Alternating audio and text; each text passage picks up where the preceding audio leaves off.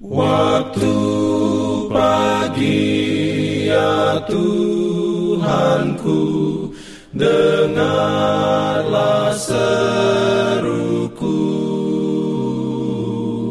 Melayang doa yang sungguh Memandang padamu. Selamat pagi pendengar Radio Advent Suara Pengharapan Mari mendengarkan suara Tuhan melalui tulisan pena inspirasi menjadi putra dan putri Allah. Renungan harian 14 Oktober dengan judul Kristus berdoa agar kita semua menjadi satu.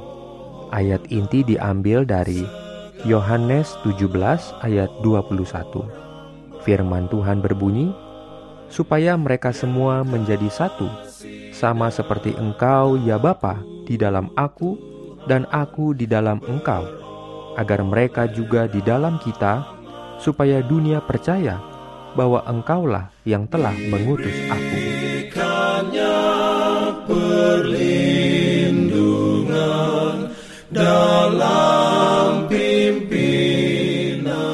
Urayanya sebagai berikut. Kristus telah meninggalkan teladan yang sempurna tanpa dosa kepada kita. Para pengikutnya harus mengikuti jejaknya. Jika kita tidak berubah dalam karakter, kita tidak akan pernah bisa tinggal bersamanya di kerajaannya. Kristus mati untuk mengangkat dan memuliakan kita, dan mereka yang mempertahankan kecenderungan yang sudah turun-temurun untuk berbuat salah tidak dapat tinggal bersamanya.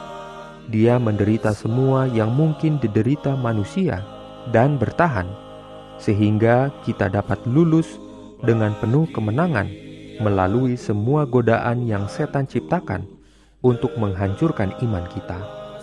Di dalam Kristus adalah satu-satunya harapan kita. Tuhan memiliki kemenangan setiap hari bagi umatnya untuk diperoleh.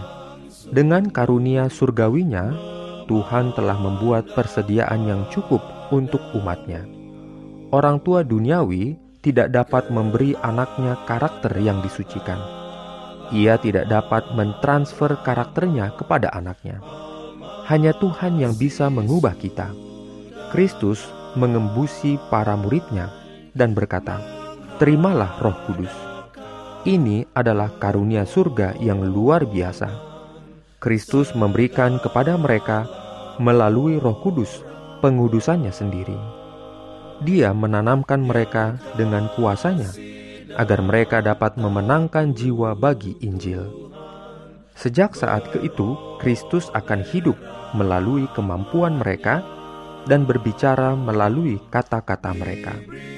Mereka memiliki hak istimewa untuk mengetahui bahwa selanjutnya dia dan mereka harus menjadi satu mereka harus menghargai prinsip-prinsipnya dan dikendalikan oleh rohnya.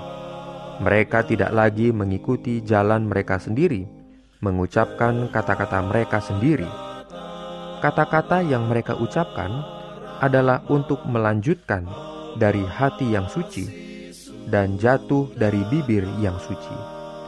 Mereka tidak lagi hidup egois.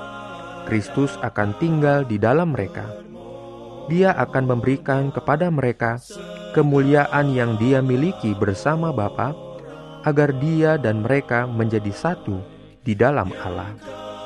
Para remaja putra dan remaja putri hendaknya menyadari bahwa untuk menjadi satu dengan Kristus adalah kehormatan tertinggi yang dapat mereka peroleh. Kuduskanlah semua yang ada pada Anda, jiwa, tubuh, dan roh kepada Tuhan.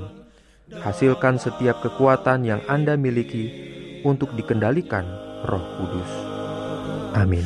Pimpin aku ya Roh Allah dalam kebenaran.